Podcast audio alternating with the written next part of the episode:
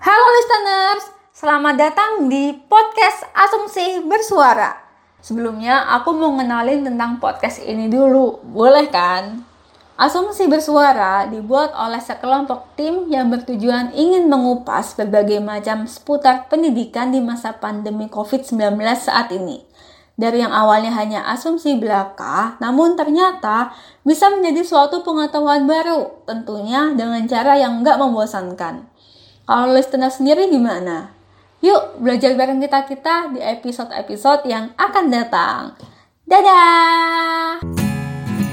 Eh bentar, Jangan lupa untuk selalu cuci tangan, pakai masker, dan jaga jarak. Karena pandemi COVID masih belum berakhir. Hmm. Sekian perkenalannya. See you!